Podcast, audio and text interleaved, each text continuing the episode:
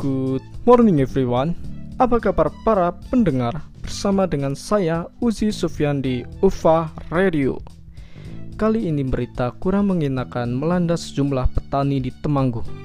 Kualitas tembakau hasil panen para petani di Temanggung tahun ini dinilai meningkat.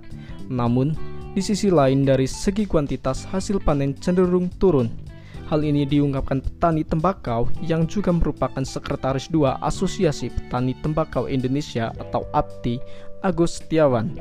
Kalau soal kualitas tembakau tahun ini lebih bagus dari tahun kemarin, tapi soal harga belum ada perbaikan. Harga tembakau belum sesuai harapan petani, ujarnya Minggu 8 September 2019. Dengan kualitas tembakau yang baik dan ketersediaan barang yang tak begitu melimpah di pasaran, harusnya harga melonjak naik. Ia menilai karena kurangnya persaingan dagang itulah yang menyebabkan harga tembakau petani belum sesuai harapan.